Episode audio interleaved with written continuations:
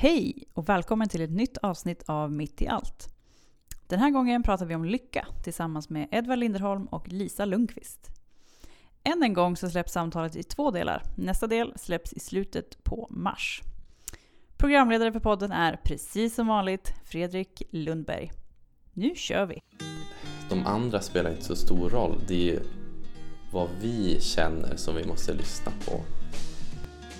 Jag, jag vet att vi är alla bara människor. Och det gör mig så lugn. Slow down, you move too fast. You got to make the morning last. Just kicking down the cobblestones. Looking for fun and feeling groovy. Hej och välkomna hit eh, Lisa och Edvard eh, som ska få fundera kring begreppet lycka idag. Eh, vi börjar med att ni får kort presentera er själva. Edvard, vem är du? Eh, ja, jag heter Edvard. Jag har fyllt 18 eh, och jag pluggar naturvetenskap på, uni, nej, på gymnasiet, inte universitetet. Eh, tredje året. Snart är det dags för student. Det känns jättebra. Jag ser fram emot friheten. Ja. Friheten, det är ett intressant begrepp. Vi kan återkomma till det sen. Absolut. Lisa, Ja, Lisa heter jag och fyller snart 53. Det är ju inte klokt, men det gör jag. Mm. Och eh, jag jobbar som präst här i Stadskyrkan, eller Umeå stadsförsamling.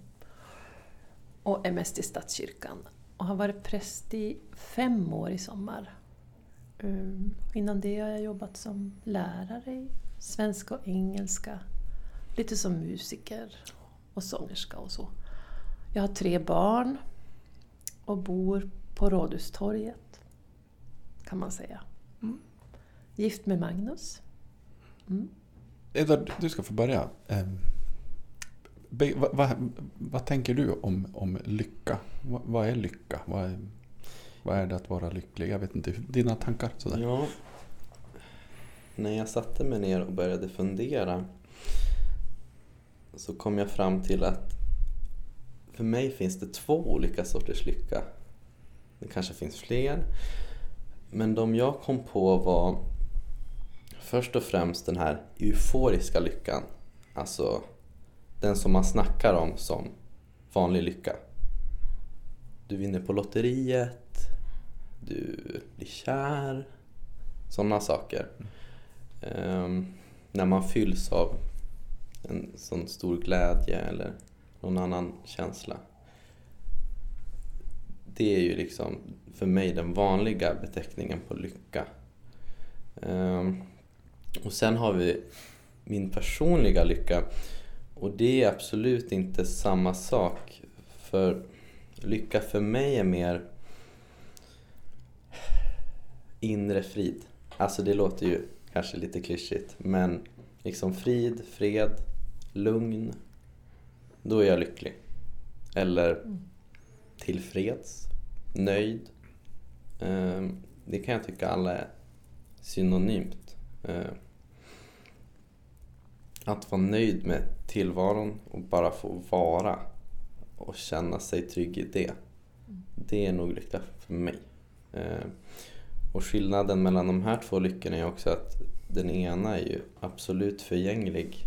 Eh, vinner jag på lotteriet så kommer jag vara väldigt lycklig. Men den lyckan, det har ju visat sig i många undersökningar också att den avtar ju eftersom. Eh,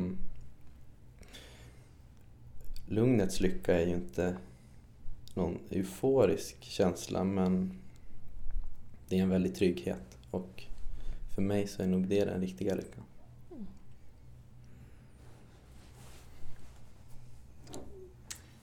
Lisa, vad tänker du? Ja men wow, säger jag. Jag, jag.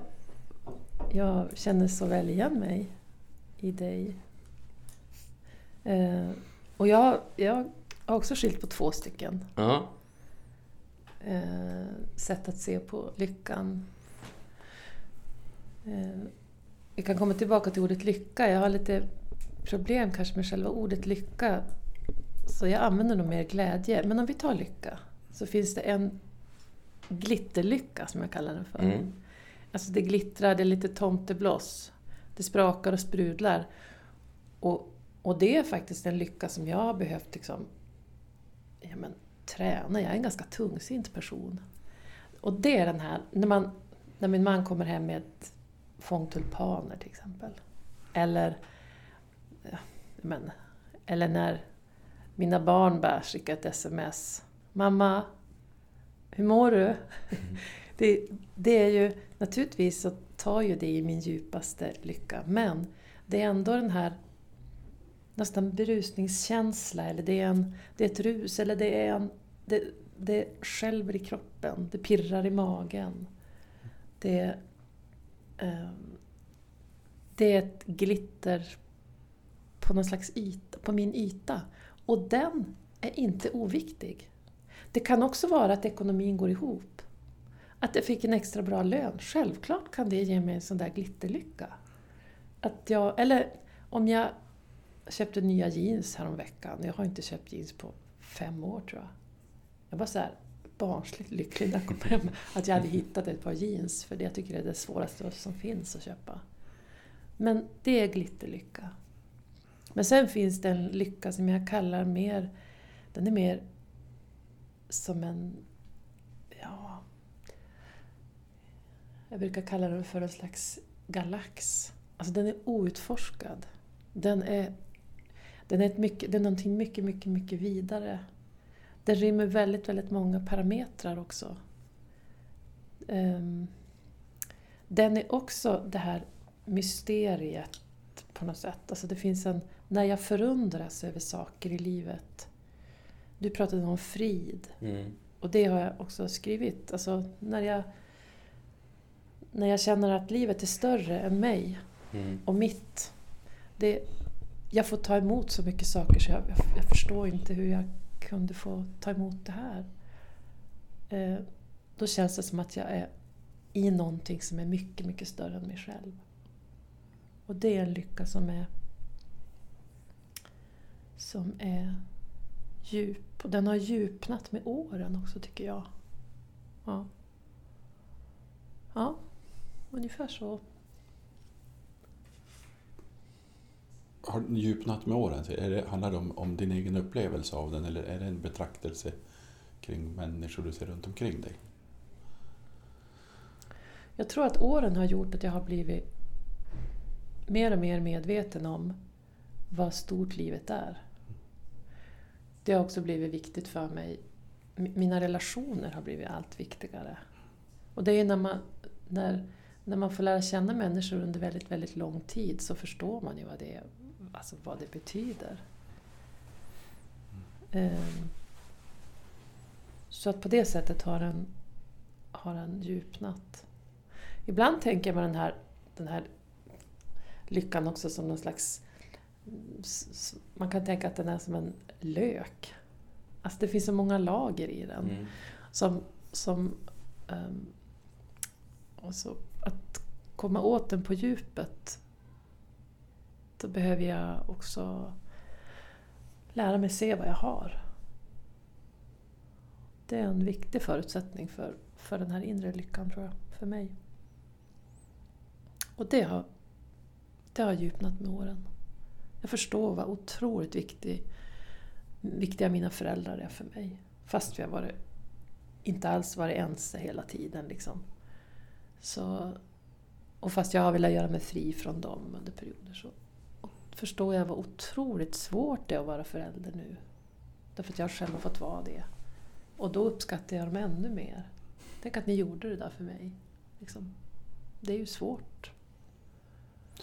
Mm. Så någon, man skulle kunna lyfta in någon, någon, någon slags förnöjsamhetstanke i ett, ett samtal om lycka. Mm. Mm. Så länge vi jagar lycka mer och mer så kommer det bli svårare och svårare att hinna ikapp den. Mm. Ja.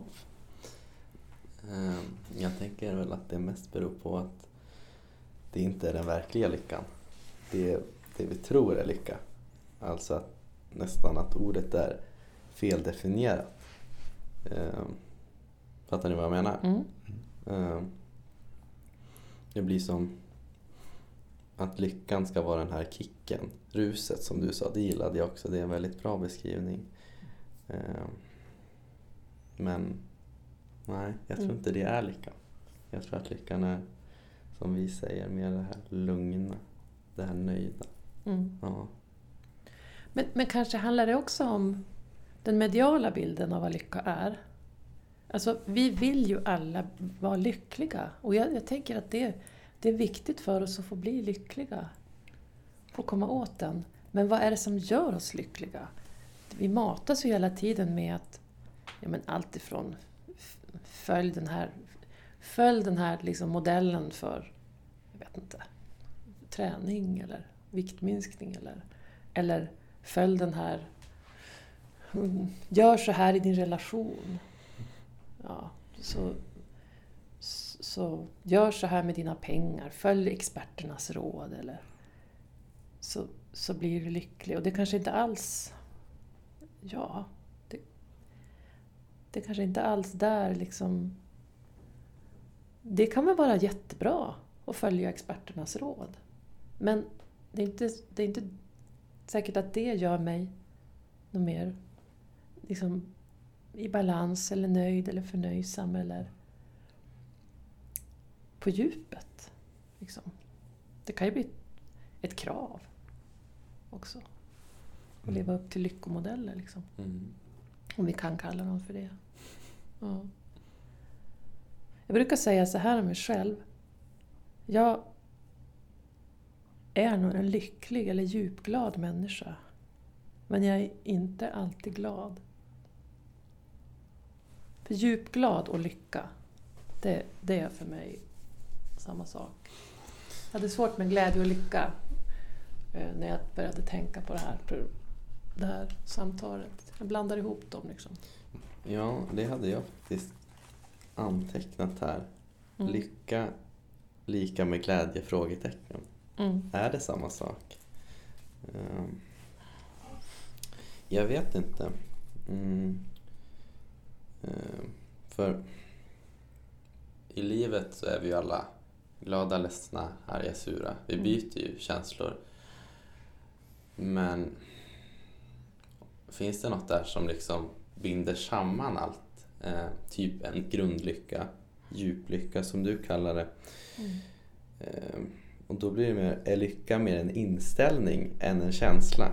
Mm. Alltså att glädje är känslan, lycka är som mer synen man har på Mm. någonting. Att det är någon skillnad mellan de två ändå.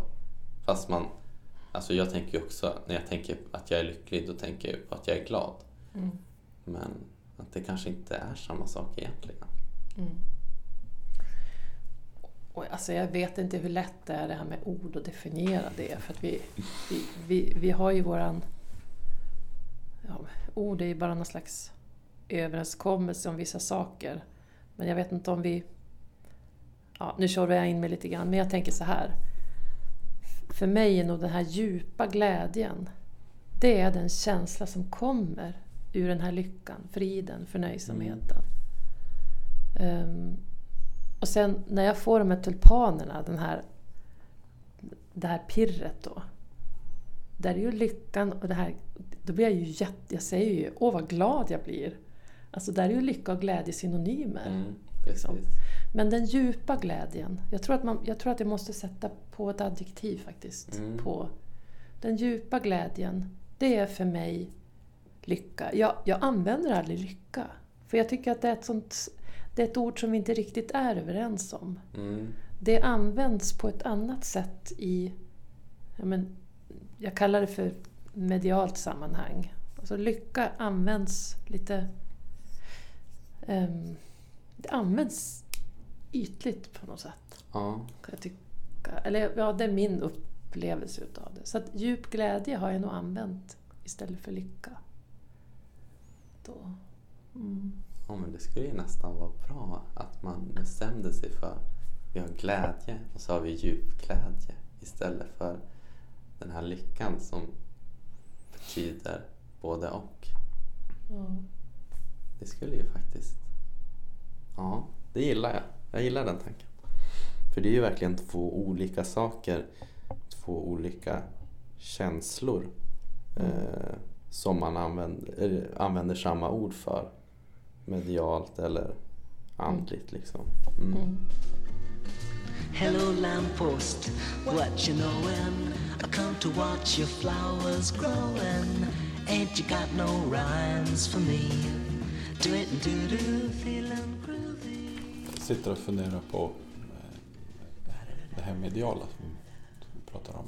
Mm. Eh, Ibland kan jag tycka nästan att, att man i samhället eh, lycka är inte synonymt med, med glädje eller djup glädje eller frid utan lycka är, är mer kopplat till att lyckas. Mm. Eh, och, och, och, en helt annan jakt på status, hierarkier, positioner. Vad, vad tänker ni? Mm. Vad, gör det här med oss? Mm. Ja, det, Gör det något med oss? ja, det tänker jag att det gör. Eh, Vi blir ju som ledda in på fel väg. Tänker jag. Ja, Just det här att vi ska vi ska alltid sträva efter något. Det där målet är lyckan. Eh, Mm, för man, det är ju så man tänker. Men sen så finns det ju kloka visa ord som till exempel eh, resan är målet. Mm. Eh, den gillar jag. Eh, för den beskriver just det här att målet, det spelar inte så stor roll så länge man har kul när man är på väg. För det är också det jag tänker faktiskt gör en lycklig. Att man uppskattar detaljerna, nuet. Eh, För det är ju det som räknas, inte målet. Mm. Eh, Ja. Mm.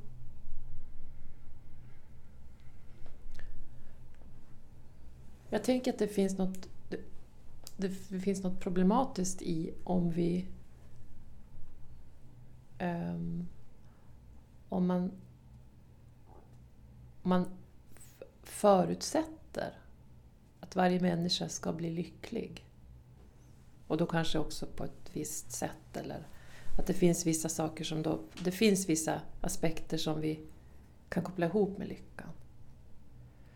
Um, och, och om vi tänker att lycka är att bli lyckad och att varje människa ska bli det, då... Alltså vilka blir vi då? Det är ju... eh, då, då jobbar vi bara med vår utsida på något sätt. Om vi får en sån, ett sånt samhälle. Jag, alltså jag är mycket mer, jag är inte så intresserad av att bli lycklig. Jag, jag är mer intresserad av att vara sann. Alltså sanningen. Sanning är otroligt. Jag, jag, och visst, det är mycket som inte jag vet om mig själv, vad som är sant om mig själv. Det har jag fortfarande en lång väg att gå. Men det här att förstå, sakta med åren, och genom mina relationer eller genom att, att misslyckas också. Vem är jag? Vad är möjligt för mig? Vad kan jag? Vad vill jag? Och vilka mål kan jag nå? Alltså det kan ju naturligtvis vara så att jag förnekar mig att, att göra saker som jag, jag kanske tror att jag inte kan eller, eller men, är värd eller, eller så. Ehm, men det här att, att få att få...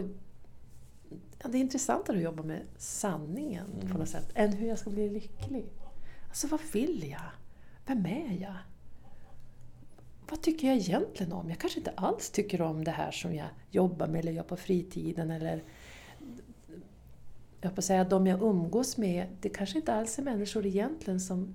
Vi kan inte ge varandra det som vi verkligen behöver. liksom. Så det här, att närma sig sanningen, det är en viktig komponent för mig i, om vi ska prata om den djupa lyckan, Mm. den djupa glädjen. Mm.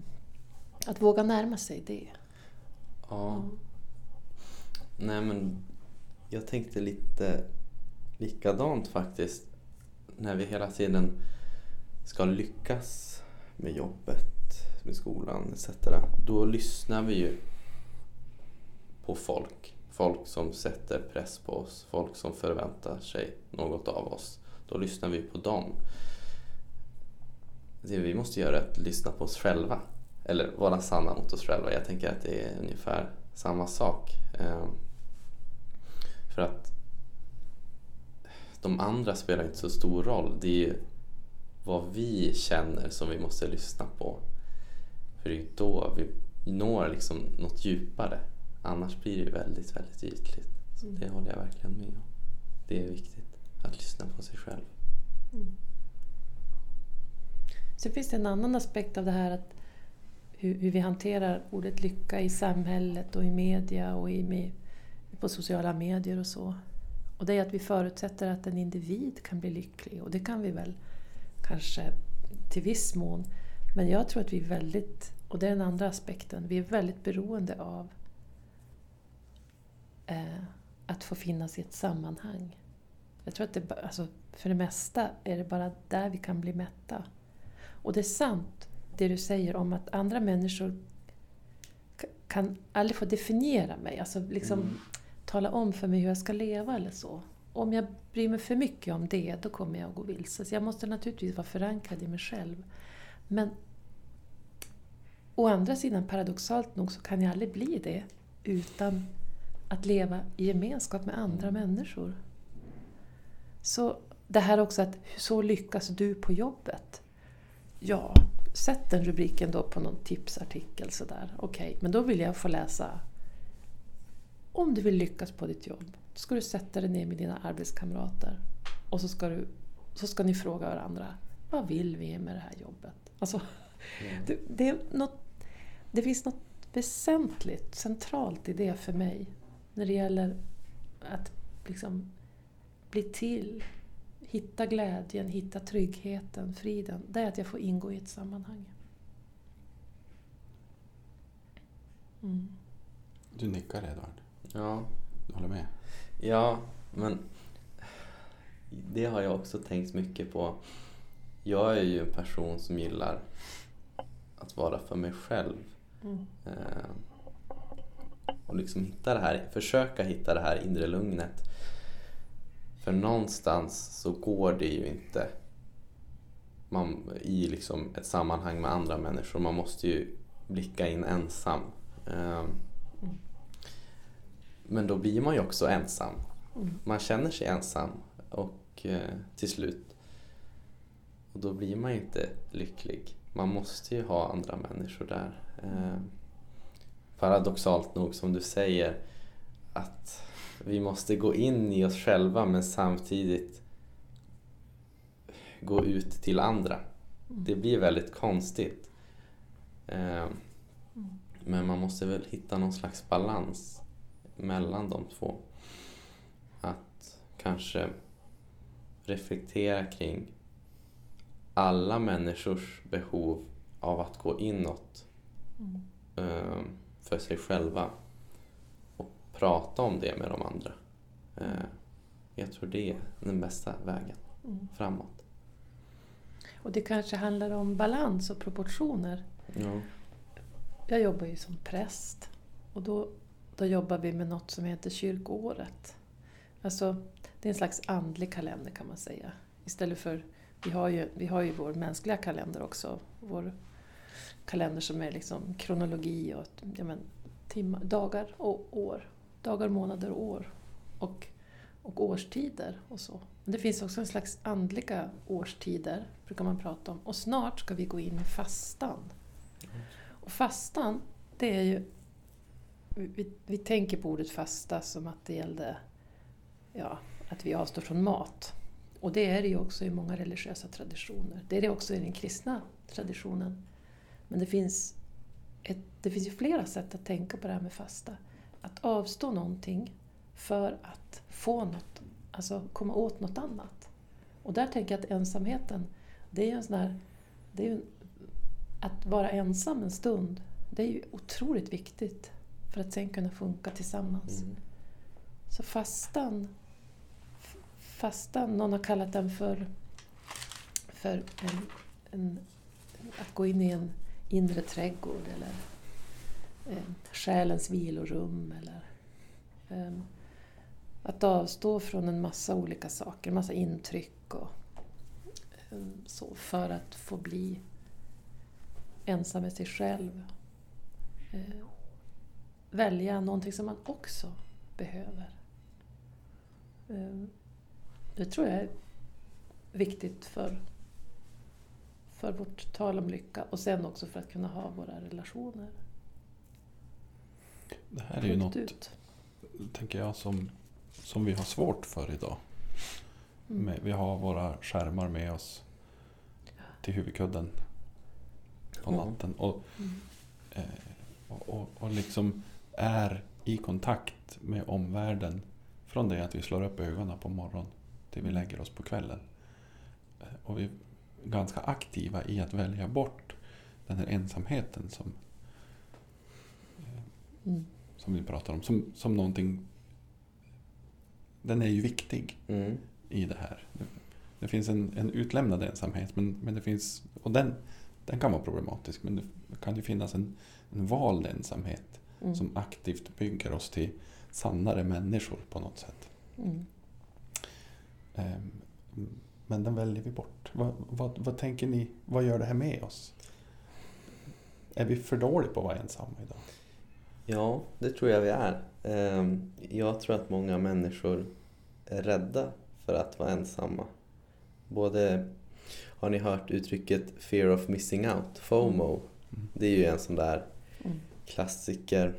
Men jag tänker också, man är rädd för att vara ensam eh, eftersom att man måste tänka. Mm. Eh, det tror jag att många är rädda för idag. Att behöva tänka för sig själva Mm. ensamma. Eh, Mm. Därför ser vi ofta folk som ja, går ut tillsammans, gör saker tillsammans för att slippa tänka.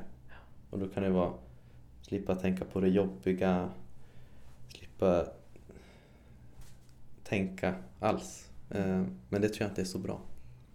Men jag tror att, inklusive jag själv ofta, det blir som för läskigt. Det blir det här stora gapet med död och förruttnelse och sluta skolan. Allt sånt kommer liksom emot en eh, som en vägg. Eh, men jag tror att vi måste möta den väggen fast det kan vara läskigt. Mm. Men då kanske man skulle behöva träna med varandra först. Men om, om, för det, det är ju jobb, det är, naturligtvis är det ju svårt att vara ensam med så otroligt mycket stora tankar. Om, så en väg in i ensamheten skulle ändå kunna vara genom varandra. Att man delar de här stora svåra tankarna med varandra. För har man nämnt dem med en annan så är de inte lika farliga. Det är inte lika farligt med döden om man vet att någon annan också tänker på det. Och kanske att man till och med får möta någon som har varit med om det och vet att man klarar det. Mm. Det är inget farligt, det är naturligt. Men det, det är någon som... Man brukar tala om barn och begravningar. En del undrar om man ska ta med sig barn till begravningar. Och då, då mm, brukar vi ofta ge rådet, vi som är präster och det, psykologer har pratat om det här också, att man barn, om de får följa med, får hänga med, får liksom se hur vuxna reagerar och får vara med om själva begravningsgudstjänsten eller riten. Då, så, då, då förstår man lite bättre. Då har man fått dela en stor svår fråga med andra. Man har fått vara med om det. Men om man inte får vara med om det utan lämnas ensam med det så gör man sig ju jättestora konstiga... Allt finns ändå kvar i huvudet. Alltså allt finns ändå i huvudet. Så ett sätt att kunna förklara sitt liv med de här, de här stora svåra frågorna i livet det skulle kunna vara att, att kanske först dela det med varandra och sen gå in i ensamheten. Då har man någonting som man kan... Då kanske det är möjligt att, att jobba med det, tänker jag. Så har det varit för mig i alla fall. Att få sätta tankarna på i ord tillsammans med någon. Då kan jag lättare arbeta med det sen, när jag är själv. Det är fint att vara ensam om man vet att man har någon som bryr sig om en. Mm. Jag tänker också så här att vi, många väljer ju ensamheten för att njuta av tystnaden. Ehm, Men det blir ju aldrig riktigt tyst där heller om man inte kan få tyst på sina tankar. Och som du säger, det tror jag inte vi kan få om vi inte tar hjälp. Så att man kan vara ensam men det blir ju aldrig riktigt tyst om man inte får prata ut om det. Mm. Eh, Och då blir det ju som att man inte är ensam. Då är man ju ensam fast med sina tankar. Och det är ju nästan lika jobbigt ibland. Mm. Om inte jobbigare. Så det tycker jag definitivt. Mm. Få prata ut om det. För då blir det som att det släpper här. Spänningen i hjärnan släpper. Och det kanske är då man blir lycklig. Mm. När det är tyst både runt omkring en men också inom en. Mm. Eh, ja. Mm.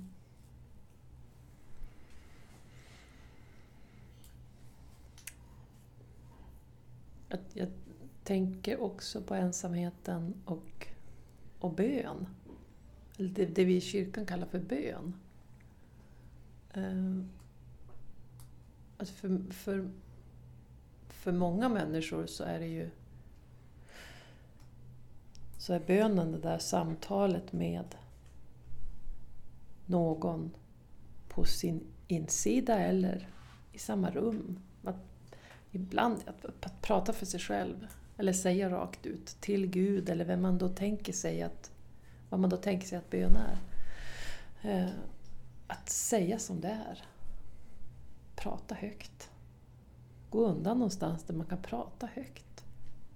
Det är väldigt bra alltså. Mm. Ehm, att vara lite sådär udda, prata för sig själv.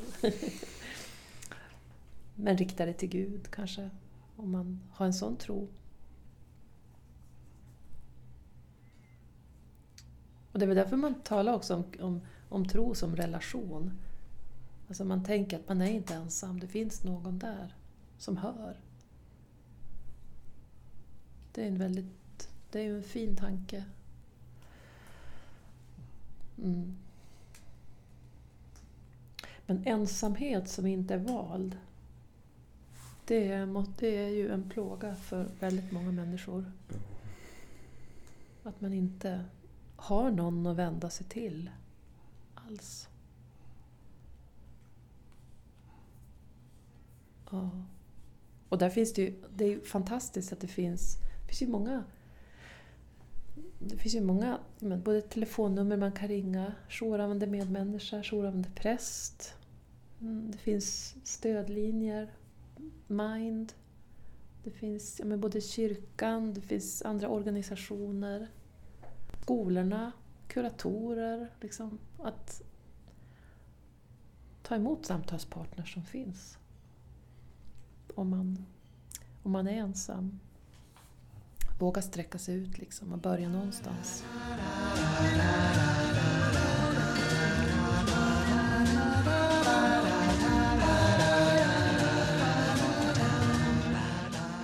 Du är din egen lyckas smed, Mm. pratar man ju om. Eh, eh, Vilket ni redan egentligen, utan att vi har pratat om det, på något sätt har avfärdat som osant. Eh, Vi kan inte jaga lyckan på egen hand. Vi, ja, vi, vi behöver vara själva, men, men också tillsammans. Så jag vet inte, vi kanske, vi kanske lämnar det spåret. Ja, fast det finns, det finns ett litet ett parallellspår till det där som Ja. jag, hade, som jag skulle, jättegärna skulle vilja prata Ja. med dig om. Och det är det här med... Eh, ja, men det finns ju böcker om det, att välja glädje. Och att bli sin egen lyckas med. Det är många människor som kan säga att man, man har valt det som gör en lycklig. Man har valt det man vill Det, det, det, det är ett spår. Och så sen det här att man kan att man kan arbeta så mycket med sig själv så att man till slut kan välja glädje. Man kan välja optimism eller man kan... Det här har jag... Att välja glädje, det är otroligt provocerande för mig alltså. Jag, jag, vill, alltså jag vill spjärna emot och säga att det, man kan inte välja att vara glad. Men jag är inte så säker längre. Alltså, vad tror du? Ehm, det finns ju ett känt uttryck som heter Fake it till you make it.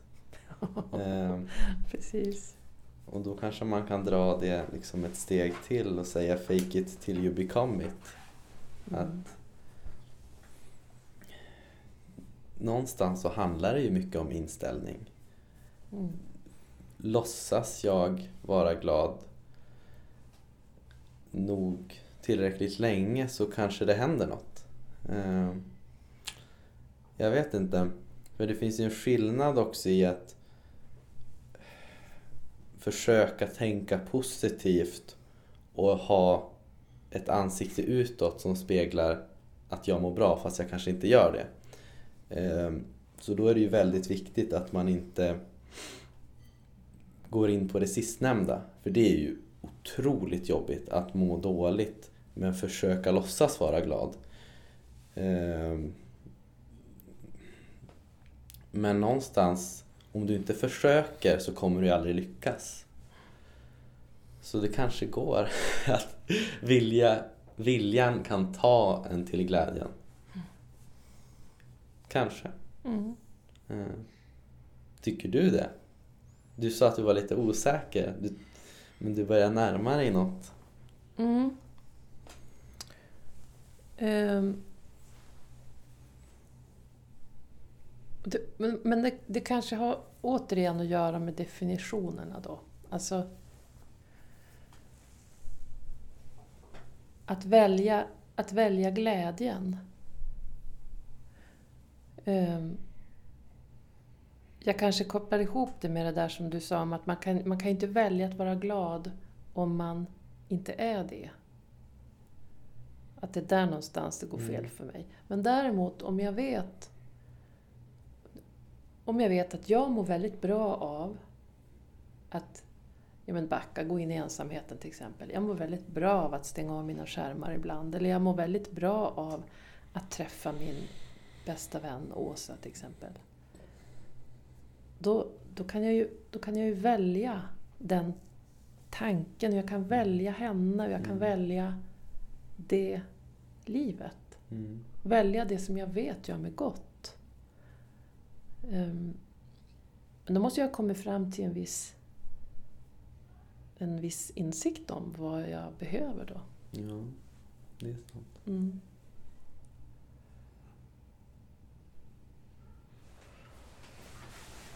Mm. Fake it till you make it. Fake it till you become it. Mm. För det är klart, på samma sätt som vi kan, kan låtsas att vi är glada, det är ju fullt möjligt och det, det, det har jag ju gjort många gånger också. Alltså, man kan ju låtsas att man är glad fast man inte är det, Mm. naturligtvis. Men på samma sätt går det att fastna i liksom helt negativa tankemönster. Det går aldrig. Säger man bara det, så då... då mm,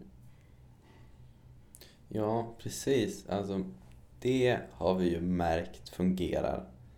Negativa spiraler. mm, Det går aldrig. Det kommer aldrig lyckas. mm, Och så bara grottar man in sig i det. mm, Ehm, Men då borde ju det motsatta också funka rimligen. mm. Eh, Det kommer gå. Jag är glad. Eh, Mm. Jag kommer lyckas. Ehm, Nej, jag tror det ligger någonting i det du säger. Att- Mm. Om man spinner vidare på det här kopplat till de definitioner som jag använt tidigare med eh, alltså, att välja glädjen, men det kan jag göra. Jag kan, jag kan spela glad och så händer det bra grejer och så blir jag nog kanske gladare. Ja, fine. Men, men då är vi ju, det ligger ju inte på djupet, tänker jag. Nej. Om vi, om vi går tillbaka till den Ja. djupa glädjen. Det sant. Kan jag välja den om jag inte känner friden, eh, förnöjsamheten? Mm. Kan jag då välja att lura mig själv att jag är på något sätt djupglad Mm. för att sen bli det? Jag tänker att det blir... Mm. Det ytliga är lätt att välja på Mm. något sätt. Men, Mm. men hur blir det när vi kommer ner på djupet lite mer? Det, det är nog därför jag, jag sa det i början att, att åren har gjort någonting med mig. Mm. Alltså jag har mycket lätt... Och det är därför jag känner mig idag osäker på, kan jag verkligen välja glädjen? Det har varit väldigt provocerande för mig tidigare. Därför att det har varit viktigare för mig att få bli sann. Jag vill inte lägga på mig någonting som inte är jag. Alltså, för jag har haft väldigt svårt med det. Men idag så kan jag så kan jag, jag, jag vet mycket, mycket mer vad jag behöver. Så när jag väljer det, då, då kommer ofta den här friden och glädjen. Och det är ju för att jag har, jag har lärt mig, jag har lärt känna mig själv. Så jag kan välja glädje utifrån att jag, om vi definierar glädje som det som gör mig ehm, ja, det som ger mig frid, Mm.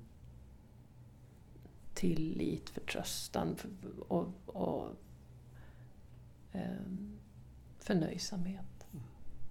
Mm.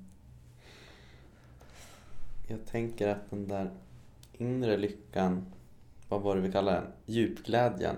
Eh, Mm. Den är svårare att hitta genom att låtsas eller försöka eller vilja. För den handlar väldigt mycket om självbild och självkänsla. Mm. Eh, Är man inte nöjd med sig själv då är det väldigt svårt att nå den där djupglädjen tror jag. Ehm. För ett lugn, ett inre lugn, för att det ska kunna infinna sig så kräver ju det att jag är nöjd med mig själv först.